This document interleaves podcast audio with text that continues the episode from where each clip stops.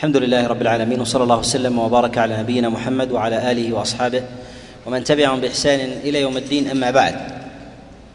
تقدم الكلام معنا على أقسام الحديث والاعتبارات التي لأجلها يقسم العلماء أنواع الحديث. ذكرنا شيئا من هذه من هذه الاعتبارات. المصنف رحمه الله يقول وذي من أقسام الحديث عدة وكل واحد أتى أتى وحده. أراد المصنف بذلك أنه يسوق جملة من الأحاديث على اعتبار سلكه بعض العلماء وهو ما يذكره العلماء باعتبار صحة الحديث وضعفه أو باعتبار باعتبار ناقله باعتبار ناقله أو باعتبار باعتبار قائله. والمصنف رحمه الله يذكر أيضا انواعا أخرى في مصنفات الحديث وطرائقه من اللطائف الإسنادية كالمعنعن والمسلسل مدبج وغيرها من ما يتعلق برواة رواة الحديث ويأتي الكلام على على هذه الأنواع. والمصنف بطبيعة الحال لم يستوعب الأحاديث الواردة عن النبي صلى الله عليه وسلم أنواعا وإنما ذكر شيئا من الأصول العامة أو غالب تلك الأنواع التي يشتهر دوران الحديث عليها. يشتهر دوران الحديث عليها. ولهذا اكتفى بذكر عدة منها. قال وذي من أقسام الحديث أقسام الحديث عدة. وقوله الحديث يريد من ذلك يريد من ذلك المرفوع والموقوف.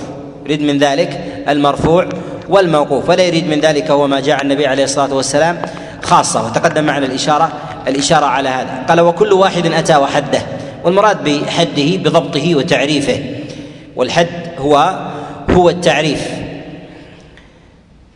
وتعريفات المصنف لمقتضى النظم واختصاره مقتضبة وربما لا تكون جامعة ومانعة.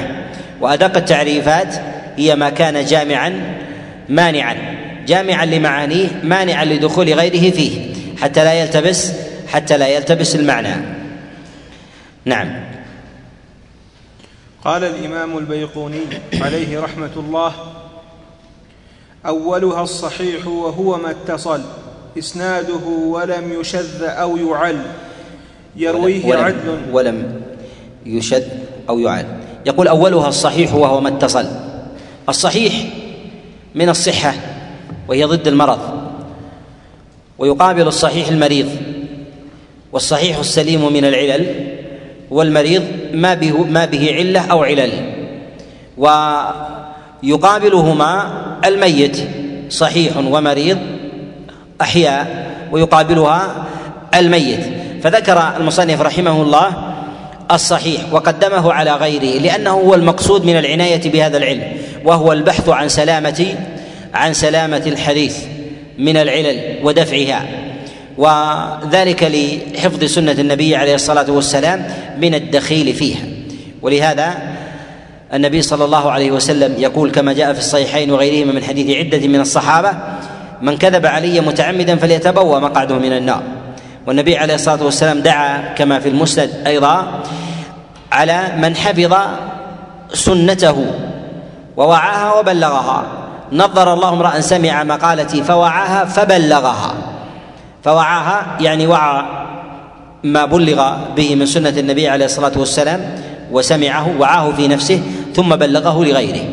ولهذا نقول إن الخطأ يرد على الإنسان يرد على الإنسان في ثلاثة مواضع في سماعه ووعيه وتبليغه في سماعه ووعيه وتبليغه. في سماعه يعني في سماعه الحديث لابد أن يكون يقظا وفي ضبطه له أن يكون مستديما للمحافظة على ما ضبط من مسموع وفي تبليغه أن يكون متحريا في تبليغه أن يكون أن يكون متحريا.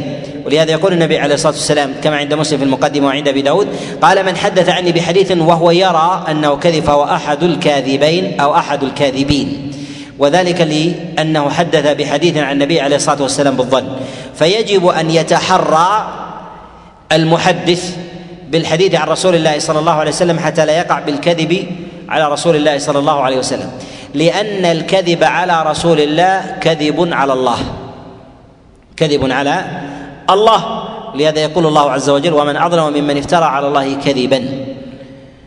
يعني أعظم الظلم هو الافتراء على الله الكذب بالتشريع بالتحليل والتحريم.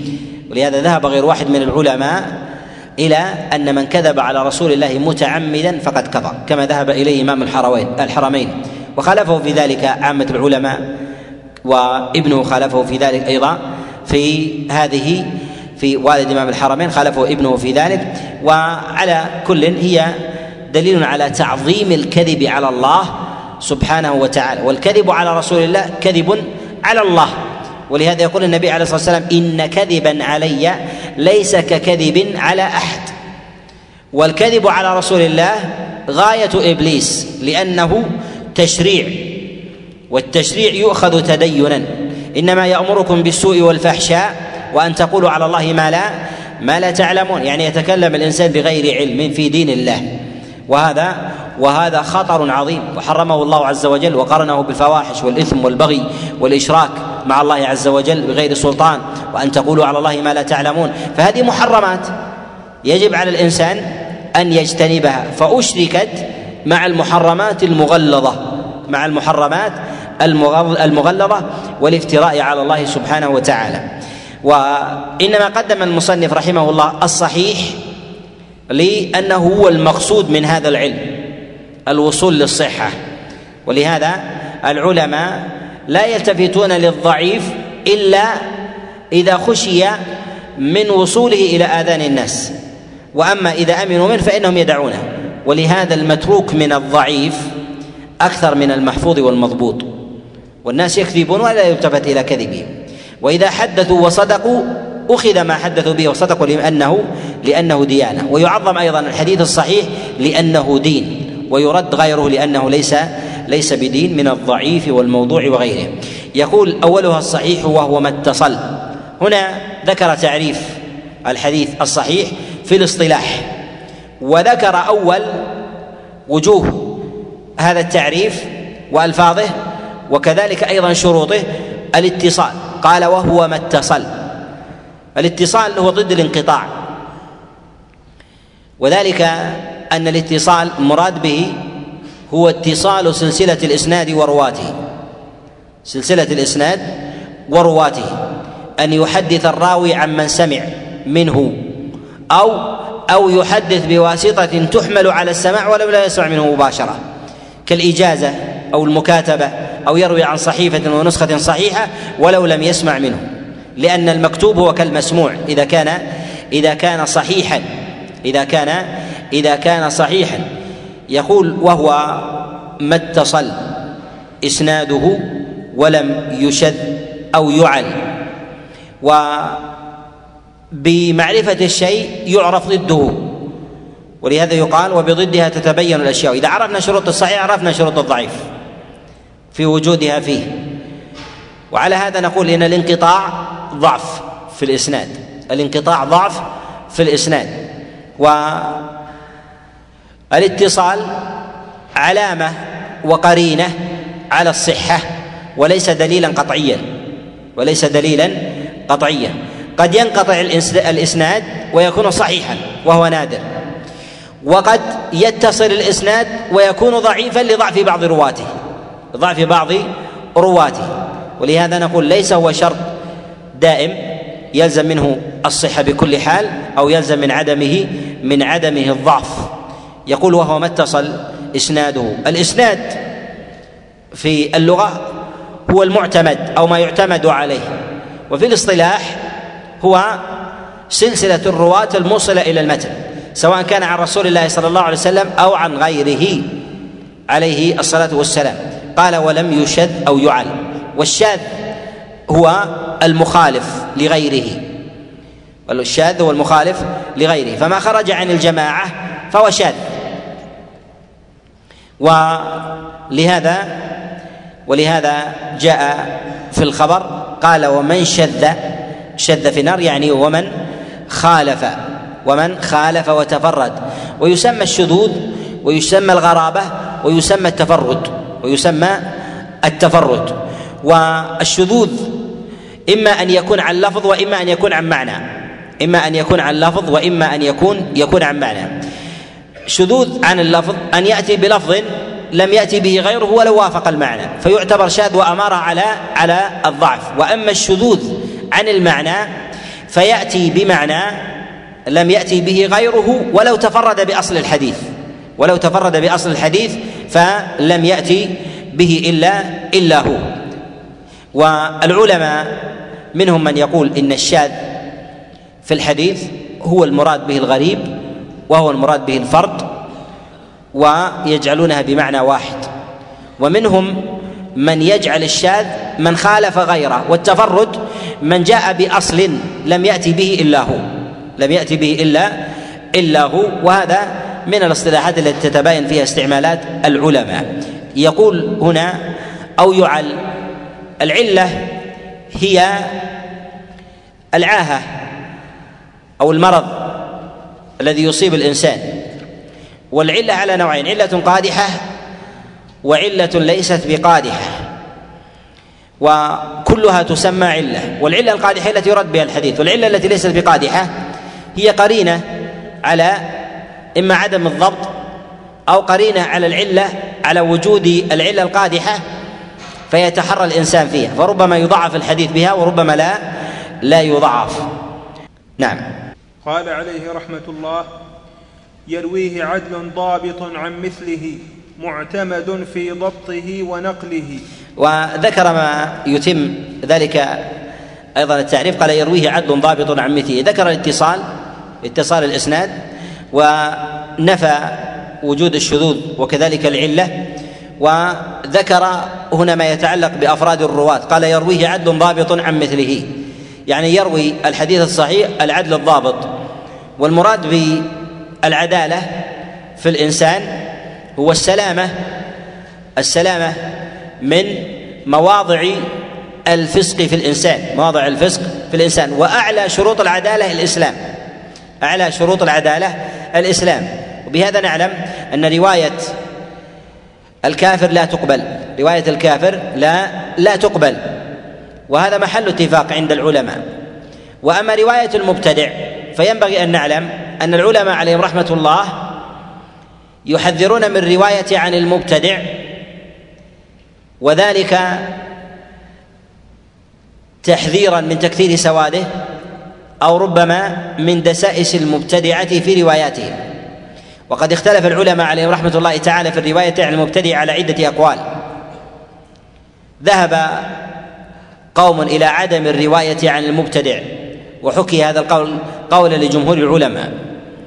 وقالوا إن المبتدع الذي وقع في بدعة أنه لا يؤمن من إدخال الحديث الحديث المكذوب بما يؤيد قوله. القول الثاني في هذا قالوا يقبل حديث المبتدع ما لم يكن داعية إلى بدعته. فإذا لم يكن داعية فتقبل روايته في ذلك إذا كان ثقة صادقا. وهذا القول ذهب إليه جماعة من العلماء والمعروف في صنيع الأئمة عليهم رحمة الله في ذلك أنهم يحذرون من الداعية إلى البدعة خشية من تكثير سواده أو ربما يروي الحديث بالمعنى من غير قصد ولو كان صادقا لأن المذاهب لها أثر على الأقوال والآراء وكذلك الحجج. ولهذا كثير من الناس ينظر إلى نصوص الكتاب والسنة ويستنبط منها معنى شاذا لا يستقيم مع فهم السلف ولهذا يحذرون من ذلك. ولكن ينبغي أن نقول إن المبتدع الداعية وغير الداعية أثر الحديث عليه واحد في ذاته. أما الداعية وإن وجد فيه شراهة في الدعوة إلى قوله ونقل الحديث ونحو ذلك فالتاثير من جهة البدعة قد يوجد. مبتدع متحمس لبدعته أعظم من من مبتدع يدعو إلى بدعته. وذلك لشدة تعصبه لكنه لم يؤتى لم يؤتى طريقة في الدعوة إلى إلى بدعته. القول الثالث قالوا بجواز الرواية عن المبتدع بكل حال إذا كان ثقة في ذاته سواء كان داعية أو ليس بداعية. وهذا هو الأرجح لأن الراوي المبتدع إذا كان صادقا ويرى تحريم الكذب على رسول الله صلى الله عليه وسلم هذا هو المقصود والمحتاج إليه. لأن من المبتدعة ما يرى أن الكذب على رسول الله أخطر وأشد مما يعتقده أهل السنة كالخوارج فإنهم قطعا يكفرون الذي يكذب على غير رسول الله فكيف برسول الله صلى الله عليه وسلم؟ لأنهم يكفرون بالكبيرة لأنهم يكفرون بالكبيرة. وهذا ما يذهب إليه جماعة من العلماء كعلي بن المديني عليه رحمة الله وظاهر صنيع البخاري وكذلك الإمام مسلم عليهم رحمة الله. لهذا يقول البخاري يقول إذا تركت حديث أهل البصرة للقدر وحديث أهل الكوفة للتشيع خربت الكتب. يعني أنهم يرون حديثا كثيرا وأبتلوا بشيء من البدعة في هذا في هذا الباب. وهذا الأظهر من مذهب الإمام أحمد عليه رحمة الله. فقد روى في كتابه المسند عن بعض من وصف بالبدعة بالإرجاء أو بالتشيع فروى عن جماعة عن جماعة منهم وهذا هو الأظهر وعليه يحمل ما يصنعه الأئمة عليهم رحمة الله من الرواية عن المبتدعة من الرواية عن المبتدعة ولهذا جاء في الصحيح الرواية عن عدي بن ثابت في حديث علي بن أبي طالب عليه رضوان الله تعالى قال عهد النبي عليه الصلاة والسلام إلي ألا يحبك يحبك إلا مؤمن ولا يبغضك إلا إلا منافق. وهذا حديث عدي عدي بن ثابت. ولهذا نقول إن ما يأتي في الروايات. ولو كان يوافق بدعته فإنه إذا كان صدوقا في ذاته فإن حديثه في ذلك حديثه في ذلك صحيح. إذا كان يرى تحريم الكذب على رسول الله صلى الله عليه وسلم. ولهذا نقول إن البدعة على نوعين بدعة مكفرة وبدعة غير مكفرة. البدعة المكفرة تلحق برواية الكافر وغير مكفرة تدخل في هذا في هذه في هذه الدائرة. والبدعة المكفرة يدخل في هذا في من يقول بقول الجهمية من غلاة الجهمية وأضرابهم. ومن شروط العدالة والشرط الثاني السلامة من الفسق. سلامة من الفسق. ذكرنا الكفر وذكرنا البدعة هنا أيضا الفسق. ألا يكون فاسقا. ألا يكون فاسقا. والفسق في اللغة هو الخروج. هو الخروج. فسقت التمرة إذا خرجت من قشرها وفسقت الرطبة إذا خرجت من التمرة وفسق الإنسان إذا خرج من الطاعة. ففسق عن أمر ربه خرج عنه. ويسمى الإنسان فاسقا إذا أكثر من الخروج عن الطاعة ويفسق بالخروج بالخروج ولو مرة. وبعض العلماء يجعل الفاسق هو من فعل كبيرة أو أصر على صغيرة واستدامها. صر على صغيرة واستدامها قالوا لأنه لا يؤمن لضعف إيمانه من الكذب أو الزيادة والنقصان بالرواية في الحديث عن رسول الله صلى الله عليه وسلم. فهذا لازم لعدالة الراوي لازم لعدالة الراوي. الشرط الثالث في هذا الصدق أن يكون الراوي صدوقا أي لا يعرف عنه الكذب لا يعرف عنه الكذب. إما على الناس أو على رسول الله صلى الله عليه وسلم. فمن كذب وعرف بالكذب على الناس فلا تقبل روايته عن رسول الله صلى الله عليه وسلم لأنه يظن أن يكسر بالكذب على رسول الله. ومن كذب على رسول الله صلى الله عليه وسلم مرة فهل تقبل توبته أم لا؟ اختلف العلماء في ذلك. وليس المراد بقبول توبته في كلام العلماء في هذا الباب قبول توبته عند الله من جهة غفران الذنب ولكن المراد بذلك بقبول توبته عندنا. هل نقبل روايته فيما بعد ذلك أم لا؟ لأننا لا نعلم باطنه. اختلف العلماء في هذه المسألة على قولين. منهم من قال إنه تقبل توبته. منهم من قال إنه تقبل توبته. قالوا وذلك لعموم الأحاديث في قبول التوبة في من تاب ويتاب يتوب الله عز وجل على المشرك مهما كان وفي المشركين من يكذب على الله ويفتري على الله سبحانه وتعالى فتقبل توبته في هذا. ومن العلماء من يقول إنه لا تقبل توبته وهذا هو الأظهر. لا تقبل توبته عندنا يعني من جهة قبول حديثه. وذلك لأن من كذب على رسول الله صلى الله عليه وسلم كذبه في توبته كذبه في توبته عظيم ككذبه على رسول الله اولا. فلا يؤمن أن يكذب في التوبة كما كذب بالرواية عن رسول الله صلى الله عليه وسلم. فلا يؤتمن وربما يتسلسل ويدور في دائرة الكذب في ذلك. وأما عند الله فأمره إلى الله. وأما من يقول توبة المشرك نقول توبة المشرك هو تجرد من كل شيء والكذب على الله جاء تبعا. الكذب على الله وعلى رسول الله جاء تبعا فهو تاب من كل شيء. بخلاف من كذب على رسول الله هو كذب من هذا الشيء وكان زاعما للإسلام زاعما للإسلام فلا يؤمن فلا يؤمن من الرجوع إلى إلى شيء واحد. أما من دخل الإسلام جملة فقد فقد دخل الإسلام بشعبه و وأعماله وأقواله فأراد أن يلتزم بها فرجوع ذلك بين إلى إلى الكفر. ومن الشروط أيضا البلوغ وذلك أن الصغير ليس بعدل وذلك لعدم كمال الأهلية فيه لعدم كمال الأهلية فيه. وعلامات البلوغ يذكرها الفقهاء وليس هذا محل محل بسطها. فمن بلغ فهو عادل إذا توفرت باقي الشروط فيه. وما كان دون ذلك فليس من أهل التكليف وليس من أهل العدالة في ذلك.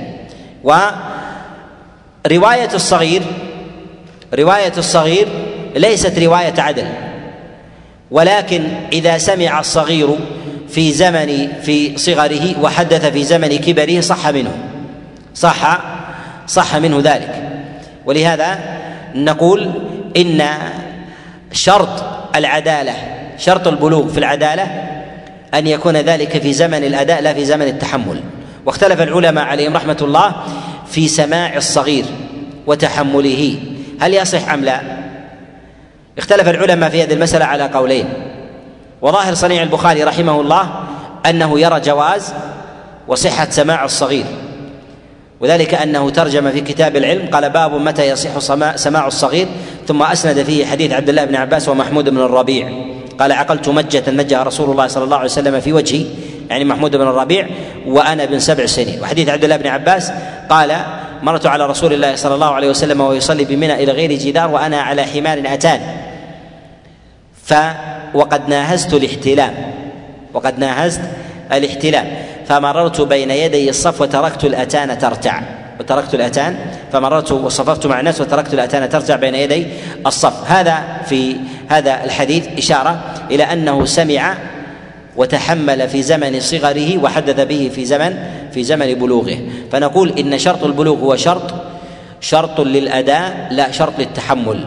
فإذا حدث الراوي بحديث سمعه في صغره فلا فحديثه صحيح شريطة أن يحدث بعد بعد بلوغه بلوغه ذلك. فنقول حينئذ بأن بأن روايته حينئذ صحيحة. ومن الشروط أيضا السلامة من خوارم المروءة. والمروءة هي ما تدعو الإنسان إلى ملازمة التقوى وأصل المروءة الحياة. وأصل المروءة الحياة. فإذا نزع الإنسان نزع الحياء من الإنسان فيجسر على المحرم لأنه باب لفعل المحرمات.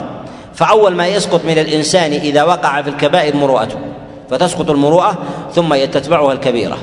فلا تسقط ولا يأتي الكبيرة إلا ولد الإنسان شيء من ضعف من ضعف مروءته. ولهذا يجعل العلماء هذا الباب بابا من أمور العداله ومن الشروط أيضا العقل. اي لابد أن يكون عاقلا. وذلك لأن المجنون مرفوع عنه كما جاء في حديث عائشة رفع القلم عن ثلاث. وجاء أيضا في حديث علي بن أبي طالب عليه رضي الله عند الترمذي رفع القلم عن عن ثلاث. فليس فليس من أهل من أهل التكليف. وهو شرط للأداء وشرط للتحمل. شرط للأداء وشرط للتحمل. فإذا روى حديثا سمعه في زمن سفه أو جنون فحدث به في زمن عقل. لا يقبل منه ذلك. وإذا كان كذلك أيضا حدث به في زمن في زمن صغر مع وجود شيء من العقل في ذلك ثم حدث به بعد بعد عقله أو كان عاقلا ثم حدث فسمع شيئا ثم حدث به بعد جنونه لا يقبل به في الحالين بل هو شرط قائم في كل حال شرط قائم في كل في كل حال لأن المجنون ليس من أهل لأن المجنون ليس من أهل التكليف. يقول يرويه عدل ضابط عن مثله معتمد في ضبطه في ضبطه ونقله. الضبط هنا ذكره المصنف في عدالة بعد عدالة الراوي وجعله مستقلا عنه يرويه عدل ضابط عن مثله. والضبط على نوعين ضبط صدر وضبط كتاب. وضبط الكتاب أدق وأقوى من من ضبط الصدر إذا كان الإنسان عالما بكتابه ومن الدخيل فيه حافظا له صائنا له مما يرد عليه من إدخال الكتبة أو الأقلام أو من الضياع أو دس الأوراق أو الكتابة فيه ولو بالنقط مما يغير المعنى فهذا أدق من حفظ الصدر لأنه يعتري الصدر ما لا يعتري ما لا يعتري الكتاب ما لا يعتري الكتاب يعتريه من الصدر يعتريه من النسيان والوهم والغلط الزيادة والنقصان وغير ذلك بخلاف الكتاب إذا كان الإنسان عارفا عارفا به. ولهذا العلماء يستوثقون بنقل الأمور بالكتاب. بالكتاب لا يستوثقونها بالحفظ ولهذا أمر الله عز وجل بكتابة الدين ولم يكتفى بالإشهاد عليه. إذا تداينتم بدين ف فاكتبوه. وذلك لأنه أعظم من ضبط من ضبط الصدر لأن الصدر ينسى و ويغفل عنه. فنقول إن الكتابة في ذلك في ذلك أقوى. يرويه عدل ضابط عن مثله. والضبط على مراتب. الضبط على على مراتب. من منهم من هو حافظ ودقيق وذلك كالأئمة الكبار من الرواة سواء كانوا من طبقة الصحابة فإنهم أهل ضبط لكونهم أمة أمية ولا يعتمدون على الكتابة. وكلما اعتمد الإنسان على مسموعه فهو أضبط لمسموعه من مكتوبه. وإذا أشرك الإنسان مسموعا مسموعه مكتوبا فإنه يضعف قدرته على الحفظ والضبط. وذلك لأنه قسم ذاكرته بين مسموع ومكتوب بين مسموع ومكتوب. ولهذا الأمي يحفظ المنقول ما لا يحفظه ما لا يحفظه الشخص الذي يعتمد على الكتابة. ولهذا العرب كانت شديدة الحفظ شديدة الحفظ قبل تعلم الكتابة. فلما تعلموا الكتابة شارك القلم الذهن ف سلبه نصيبا وافرا من ذلك. ولهذا يقال إذا أردت أن تحفظ فاكسر القلم. اكسر القلم ولهذا كثير من الناس يعتمد على ماذا؟ يعتمد يعتمد على القلم في كتابة أدنى أدنى شيء فإذا قلت له رقم سبعة أخرج القلم والورقة وكتب سبعة ثم وضعها في جيبه ألا تشاهدون هذا؟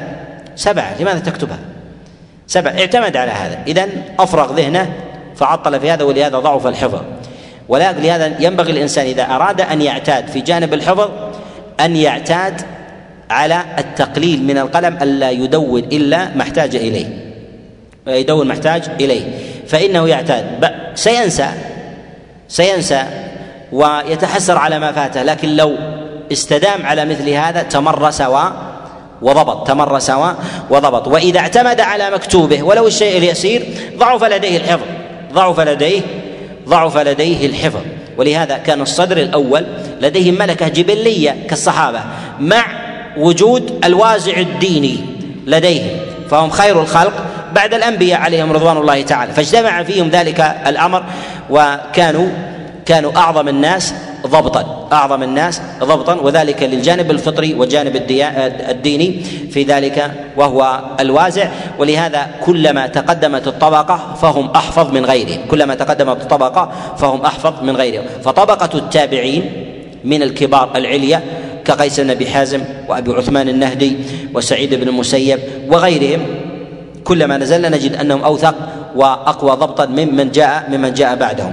البلدان التي التي تأخرت فيها الأمية وتأخر فيها القلم كمكة والمدينة فإن هذه أضبط من غيرها والبلدان التي ينتشر فيها القلم كالعراق والشام وغير ذلك فإنه هذه هذه يقل فيها الحفظ ويكثر فيها الرواية الرواية بالمعنى ويكثر فيها الرواية بالمعنى.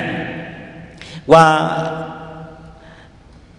تقدم الضبط على مراتب منه من هو الحافظ ومنه من هو الثقة الذي يروي الحديث في ذلك ويدخل في دائرة دون مرتبة الثقات والعليا. وما من طبقة من طبقات الرواة إلا وفيهم حافظ ضابط وفيهم ثقة عدل وفيهم ثقة متوسط وفيهم صدوق وفيهم خفيف الضبط.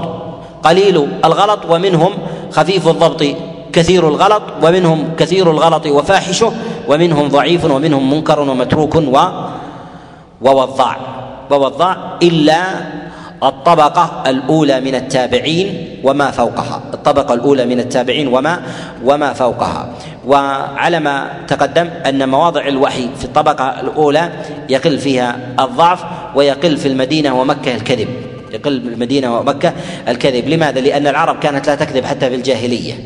حتى لما سئلوا عن النبي عليه الصلاة والسلام صدقوا بالإخبار عنه لأنهم لا يعتادون على الكذب لا يعتادون على الكذب. ولكن ولكن يعتادون على التأويل يعتادون على التأويل والنفي. وغير ذلك. أما حقائق يشاهدونها فلا فلا ينفونها في الأعم في الأعم الأغلب والضبط شرط في الراوي الذي تقبل روايته. والضبط شرط في الراوي الذي تقبل تقبل روايته. وعلى الضبط يتردد الحديث بين الصحة والحسن والضعف بين الحسن والصحة والضعف.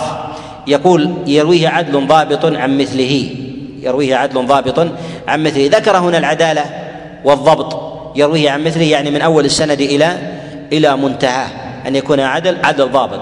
فإذا اختل الضبط في ذلك فإنه لا يسمى صحيحا فينزل المرتبة إلى إلى ما دونها. قال معتمد في ضبطه ونقله. ومسألة الاعتماد في ضبطه ونقله يعرف الراوي بأنه ضابط بأحوال. الحالة الأولى بكلام العلماء فيه ممن أدركه وذلك كالرواة من المتقدمين أن يشاهدوا راويا فيحكمون عليه أن هذا ضابط ولا أو ليس بضابط. وأئمة الجرح والتعديل من التابعين كثر كسعيد بن المسيب وابن شهاب الزهري ابن سيرين عامر بن شراحيل الشعبي هؤلاء من طبقة من طبقة التابعين وعرف عنهم وعرف عنهم الجرح والتعديل وعرف عنهم الجرح والتعديل فربما جرحوا بعض بعض الرواة ممن ممن عاصروه وكل طبقة من الطبقات تكلموا على بعض الرواة إما بالثقة والضبط وإما وإما بعدم الثقة و وعدم وعدم الضبط. ولهذا نقول يعرف بكلام الأئمة بكلام الأئمة الذين الذين عاصروا وأقوى كلام الأئمة من كان مخالطا لذلك الراوي وبلديا له. فكلام المدنيين أقوى من كلام من كلام غيرهم في المدني والمكي في المكيين والبغدادي في البغداديين والبصري في البصريين وهكذا. وإذا انفصل الزمان فإنه يؤخر على من تقدم زمنه. بمعنى أنه إذا لم يكن معاصرا له فتكلم فيه من غير معاصرة فكلامه فيه إما أن أخذه بواسطة أو أخذه بسبر مروياته والحكم عليها. الثانية في الحكم أو معرفة ضبط الراوي وحاله أن يكون ذلك بسبر مروياته بسبر مروياته. ومعنى السبر هو تتبعها حتى يخرج الإنسان بحكم واحد فيها. والسبر في الاصطلاح هو النظر في النظر في المجموع للحكم على واحد. نظر في المجموع في الحكم على على واحد. كالذي يسبر النجوم ليحكم على نجم بالبعد أو القرب. أو يسبر جماعة من الناس ليحكم على واحد بالصحة والمرض. هذا يسمى يسمى سبر. فسبر المرويات يعرف بها يعرف بها الراوي من جهة موافقته للرواة وعدم موافقته موافقته له. فيتميز حينئذ الخطأ الخطأ من من غيره. والأئمة عليهم رحمة الله تعالى لهم مدونات في هذا الباب في أبواب في أبواب معرفة ضبط الراوي وعدمه ومصنفاتهم في ذلك كثيرة والكتب في أبواب الرجال في معرفة الجرح والتعديل أيضا كثيرة. منها ما هي متقدمة ومنها ما هي ما هي كتب كتب متأخرة. والأئمة عليهم رحمة الله منهم من يصن من يتكلم في الرواة في أثناء كلامه على الحديث. ولهذا في ثنايا مسند الإمام أحمد جرح وتوثيق لبعض الرواة في أثناء المسند. وكذلك أيضا تجد هذا في بعض المصنفات كالصحيحين في شيء يسير في هذا في السنن أيضا وأكثرها في ذلك عند الترمذي آه، والنسائي وأبي داود وقليل وشيء يسير في ذلك عند ابن ماجه عليهم عليهم رحمة الله. وثمة مصنفات معتمدة صنف العلماء فيها في الرجال. ومن أوائل ذلك كتاب التاريخ للإمام البخاري وكذلك كتاب الضعفاء له. وكتاب الجرح والتعديل لابن أبي حاتم وكتاب آه، كتاب التمييز لمسلم وكذلك أيضا مقدمته فيها كلام على الرواة آه، الكامل لابن عدي وغيرها من المصنفات التي فيها كلام كسؤالات آه، الإمام أحمد عليه رحمة الله وعلله. وكذلك أيضا سؤالات الأجري لأبي داود وسؤالات الدار قطني وغيرها أيضا ومن مظانها أيضا كتب العلل التي تتضمن إعلال الأحاديث وذكر وذكر آه، وذكر آه، الرواة تبعا لمروياتهم بالإعلال آه، أو بالتوثيق. يقول معتمد في ضبطه ونقله.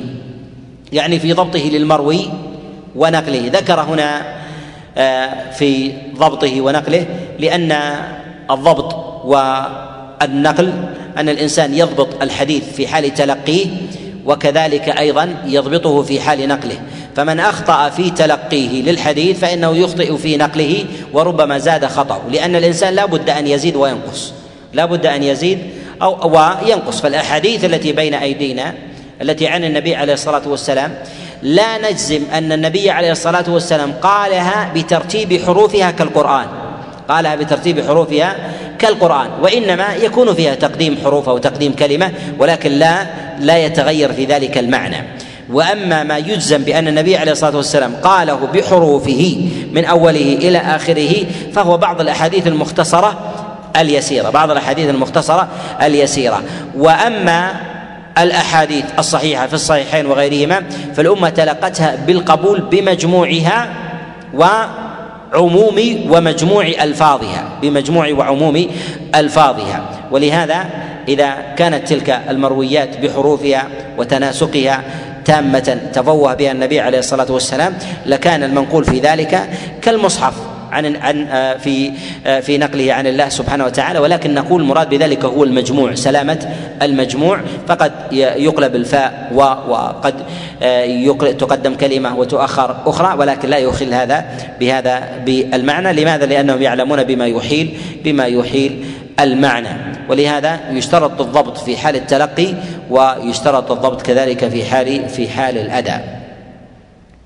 وهنا مسألة في مسألة يقول في ضبطه ونقله.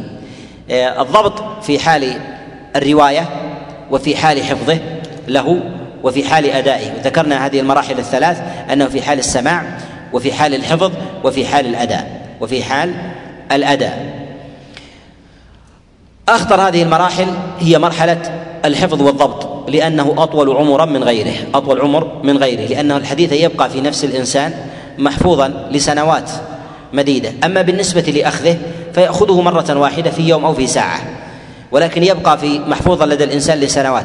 فلا بد من تعاهد ذلك المحفوظ حتى يبقى. حتى يبقى.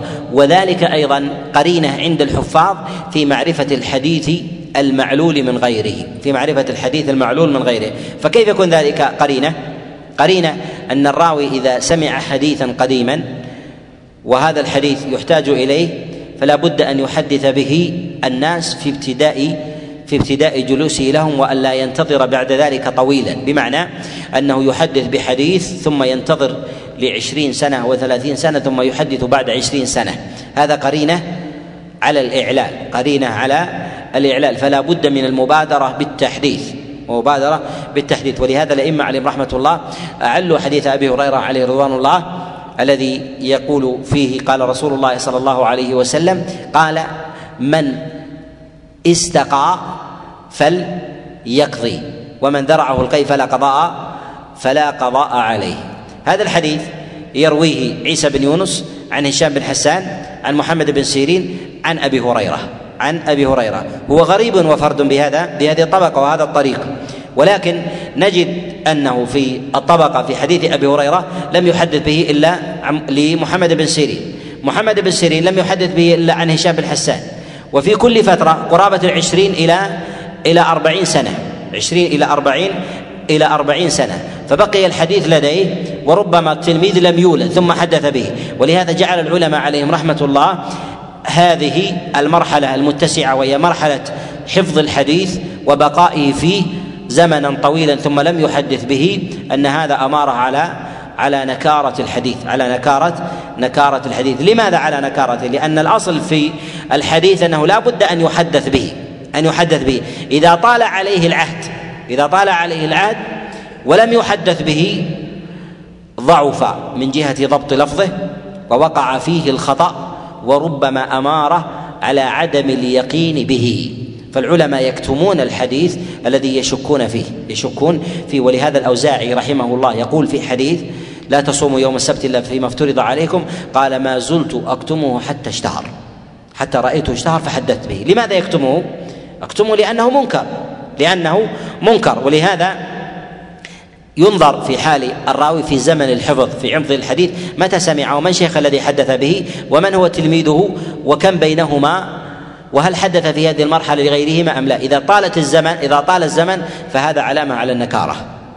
علامة على النكارة. وإذا اختصر الزمن فعلامة على ضبطه طبعا وعلى عدم نكارته معنى. ضبطه لمعنى بطبعه أنه ضبط الحديث من جهة الطبع والفطرة ضابط للحديث لأنه حدث به عشره وعشرين من الرواة. ويستحضره ويستذكره بذلك وإذا لم يحدث به إلا بعد عشرين سنة وثلاثين سنة أمر على شكه فيه وعدم حفظه من جهة من جهة الطبع. ولهذا قال معتمد في ضبطه ونقله. ضبطه للحديث عند السماع وفي الحفظ وعند أيضا نقله لنقله لغيره من الرواة. نعم. قال رحمه الله والحسن المعروف طرقا وغدت رجاله لا كالصحيح اشتهرت. بعدما ذكر الحديث الصحيح وهو النوع الأول ذكر النوع الثاني وهو الحديث الحسن. والحديث الحسن آه، هو كما ظاهر في معناه مأخوذ من الحسن وهو الجمال والبهاء. وإنما سمي بذلك من الوضع الاصطلاحي. وإلا فمعناه شامل لمعنى الصحيح لغة. شامل لمعنى الصحيح لغة. والحسن ما كان دون الصحيح وفوق وفوق الضعيف. وهذه المرتبة دائما المرتبة البينية بين الشيئين. هي دائما مرتبة مرتبة مشكلة. وذلك أنها لا تتمحض وضوحا. وذلك كما بين السواد والبياض. كما بين السواد والبياض. وما بين الليل والنهار. فإن الليل المتمحض سوادا بين وكذلك أيضا النهار المتمحض بياضا بين وما بينهما مشكل. ولهذا يشكل الفجر الصادق عن الفجر عن الفجر الكاذب. في مثل هذا كذلك أيضا في مسألة الحسن في دخوله في أدنى الصحيح ودخوله في أعلى الضعيف. فهل يدخل في أعلى الضعيف فيكون في أعلى مراتبه أو يدخل في أدنى الصحيح فيكون في أدنى صحيح في أدنى الصحيح صحيحا؟ فعلى هذا وقع فيه إشكال كبير ووقع فيه عند العلماء عليهم رحمة الله تعالى اضطراب في ضبطه في ضبطه. حتى قال الذهبي رحمه الله في الموقظة قال وأنا على إياس من ذلك يعني في ضبط الحديث على في ضبط تعريف دقيق للحديث الحسن. ويختصر بعضهم تعريف الحديث الحسن بأنه ما ليس بصحيح وليس بضعيف أو ما كان دون الصحيح وفوق وفوق الضعيف. دون الصحيح وفوق وفوق الضعيف. وهي مرتبة يدخل فيها دون الصحيح وهو صحيح وأعلى الضعيف وهو ضعيف. وهو وهو ضعيف. وهذا الباب هو من مواضع الإشكال في كلام النقاد وكلام المخرجين وكلام المخرجين. كذلك أيضا فإن في ظاهر صنيع الأوائل عليهم رحمة الله ومنهم الإمام أحمد رحمه الله أنهم يقسمون الحديث إلى قسمين إلى صحيح وضعيف ويقسمون الضعيف إلى إلى قسمين ضعيف يحتج به وضعيف لا يحتج به ولا ما يحتج به ما يدخل في دائرة الحسن الاصطلاحي وما يروى في ذلك عن النبي عليه الصلاة والسلام وينقل ويحدث ويحدث به. ما لا يحتج به هو الضعيف الذي لا ينجبر في ذاته أو بذاته ولا ينجبر أيضا ولا ينجبر بغيره. فلا يروى عن النبي عليه الصلاة والسلام ولا يحتج ولا يحتج به. ف ولفظ الحسن عند الأوائل في ذكرهم لا يريدون بذلك هو الحسن الاصطلاحي عند المحدثين من المتأخرين. ومنهم المصنف رحمه الله في قوله والحسن المعروف طرقا وغدت. لا يريد بذلك لا يريدون بذلك هذا المعنى.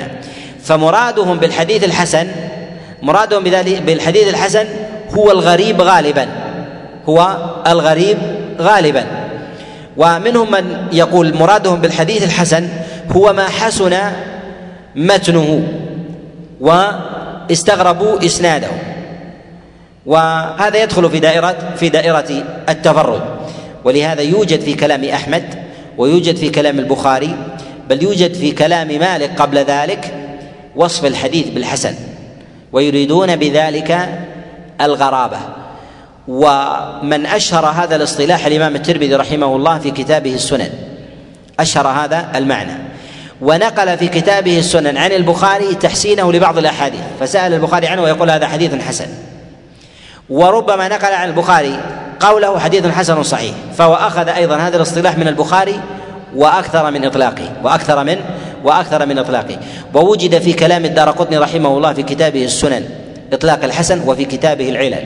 ووجد شيئا يسيرا في كلام الحاكم في المستدرك إطلاق إطلاق مصطلح الحسن على بعض الأحاديث. ويغلب في كلام الحاكم أنه يريد الحسن الاصطلاحي أنه يريد الحسن الاصطلاحي.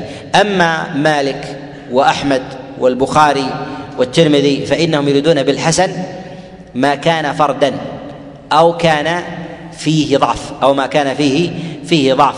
وبعضهم يجعل الحسن عند المتقدمين هو الغريب والفرد سواء كان صحيحا أو كان أو كان ضعيفا.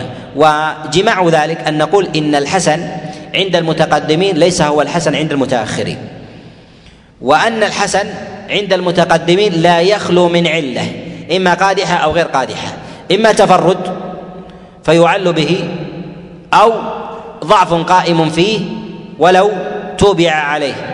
فيعل بذلك أو لا أو لا يعل. فيرد أو لا أو لا يرد. وهذا بحسب مواضع وكلام العلماء عليهم رحمة الله تعالى في هذا في هذا الباب. كل كل بحسبه. الترمذي رحمه الله أوسع الائمه في هذا الباب من جهة تنوع المصطلحات. فيقول في الحديث صحيح ويقول فيه حسن صحيح ويقول صحيح حسن ويقول صحيح حسن غريب وحسن صحيح غريب ويقول حسن غريب وصحيح غريب ويقول حديث حسن ويقول غريب. وربما بين العلة وربما لا يبينها وله معنى في مراده في هذه المصطلحات. يرجع إليها في مضانها وقد تكلمنا عليها في شرح حديث جابر في صفة حجة النبي عليه الصلاة والسلام في مصطلحات الترمذي رحمه الله ومراده ومراده بها فيرجع فيرجع إليها إليها هناك. ومن العلماء أيضا ما له معنى في الحديث الحسن ويريد بذلك ما ليس في الصحيحين ولو كان صحيحا. وذلك كالبغوي في كتابه المصابيح فإنه يقسم الحديث إلى الصحاح والحسان. ويريد بالصحاح هي ما كان في الصحيحين والحسان ما كان دون دون ذلك. ولا يراد بذلك ولا يراد بذلك هو الحسن الاصطلاحي الذي يتكلم عليه المحدثون في قواعد الحديث ومصطلحه.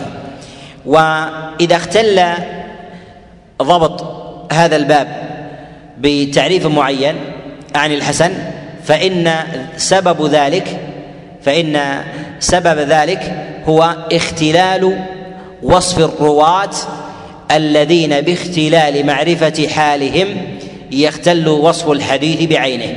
وذلك أننا على ما تقدم في قولنا اولها الصحيح وما اتصل إسناد ولم يشد أو يعل يرويه عدل ضابط عن مثله يرويه عدل ضابط عن مثله معتمد في ضبطه ونقله. هنا الضبط إذا اختلف فإنه يدخل في دائرة الحسن وربما يتجاوزها إلى إلى الضعف. العلماء يختلفون في وصف الراوي بالضبط وعلى هذا يتفرع عنه اختلافهم في وصف الحديث الذي رواه بالصحة أو الحسن. ويختلفون في توثيق الراوي وتضعيفه وعلى هذا يختلفون في تصحيح حديثه وتضعيفه. تبعا لاختلافهم في لاختلافهم في ذلك. وكذلك أيضا في مخالفة المتون وعدد تفردات الراوي في الحديث أيضا ربما يقبلون حديثه وربما لا يقبلون كذلك أيضا في أبواب المتابعات والشواهد وغير ذلك. الحديث الصحيح يقسمه أهل الاصطلاح على قسمين صحيح لذاته وصحيح لغيره. الصحيح لذاته ما استقل صحة بنفسه والصحيح لغيره ما كان حسنا في ذاته ولم يستقل بنفسه واعتمد على غيره ليكون صحيحا.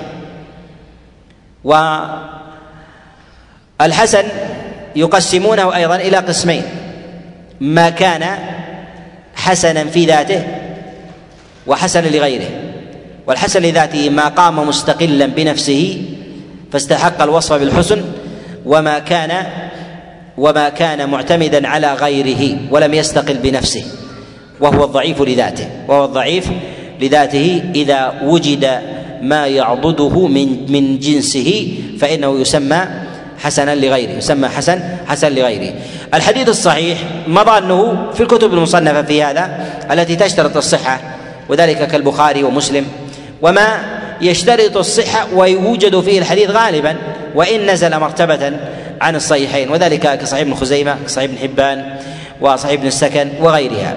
ومن مظان أيضا الصحيح في الكتب هي السنن الأربع وإن لم يكن ما فيها صحيح إلا أنها من مظان الصحيح فيوجد فيها الصحيح والضعيف ويوجد الحسن ويوجد المتروك ولكن أعلاها الصحيح وهو كثير ثم الحسن ثم الضعيف والموضوع والمطروح فيها نادر وقليل نادر وقليل.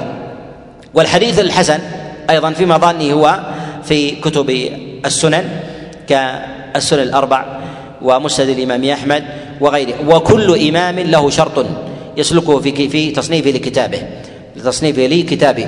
وشروط الأئمة عليهم رحمة الله في تصنيفهم يعرف في أحوال أو في مواضع. أولها في المقدمات التي يذكرها المصنفون في لمصنفاتهم. ثانيها في عناوين الكتب التي يذكرونها فيه.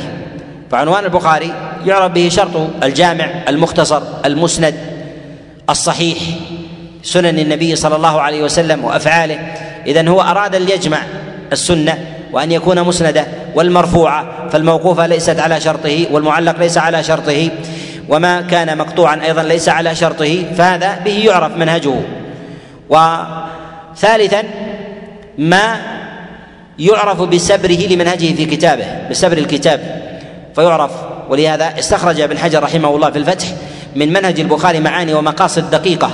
لم ينص عليها البخاري ولا تكاد ولا يعرفها الإنسان بالسبر اليسير لطريقة البخاري.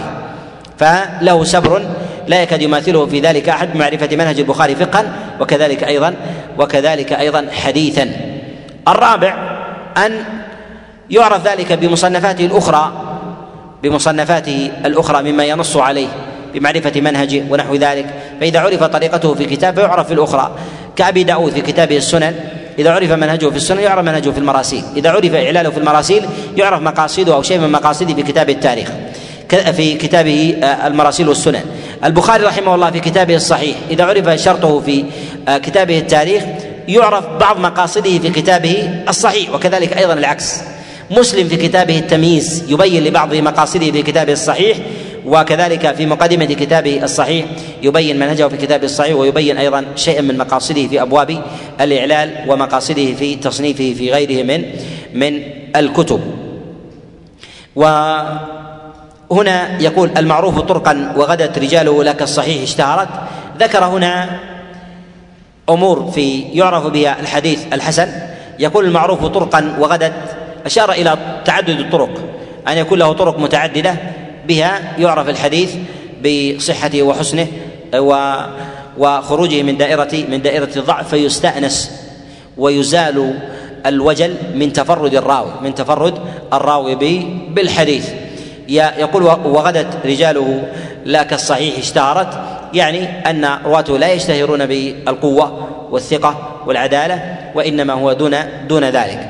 فأشار إلى المعنيين الحسن لذاته والحسن والحسن لغيره. الحسن لذاته ما كان رواته دون الصحيح وهو فرد ولم يخالف غيره من جهة الشذوذ وكذلك أيضا العلة والحسن لغيره ما روي من عدة طرق.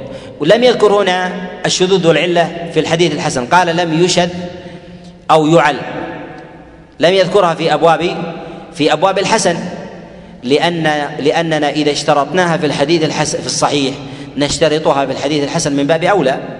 من باب من باب أولى فلا بد من السلامة من الشذوذ وكذلك أيضا السلامة السلامة من من العلة. نعم. قال رحمه الله وكل ما عن وكل ما عن رتبة الحسن قصر فهو الضعيف وهو أقساما كثر. وهنا يقول وكل ما عن رتبة الحسن قصر فهو الضعيف وهو أقساما آه، كثر. هنا ذكر معنى آخر من معاني الحسن وهو ما نزل من معاني الضعيف وهو ما نزل عن وصف الحسن وشروطه فإنه يدخل في دائرة في دائرة الضعف. ونتكلم بإذن الله عز وجل ونكمل الكلام على تعريف الحديث الضعيف ومعانيه في الغد بإذن الله تعالى. نكتفي بهذا ونكمل بعد الصلاة وصلى الله وسلم وبارك على نبينا محمد.